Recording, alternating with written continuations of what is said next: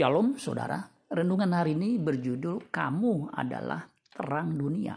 Matius 5 ayat 14. Kamu adalah terang dunia, kota yang terletak di atas gunung tidak mungkin tersembunyi.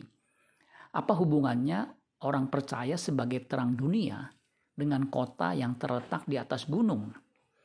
Kota yang terletak di atas gunung adalah Yerusalem, yang dikelilingi rumah-rumah penduduknya yang waktu malam akan terlihat karena lampu-lampu yang menyala di setiap rumah. Bagaimana dengan kita yang bukan penduduk Yerusalem? Kita memang bukan penduduk Yerusalem yang ada di Israel, tapi kita adalah calon penghuni Yerusalem baru di langit baru, bumi baru.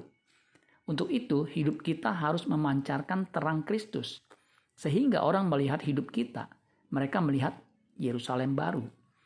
Kita harus menjadi terang supaya orang melihat surga.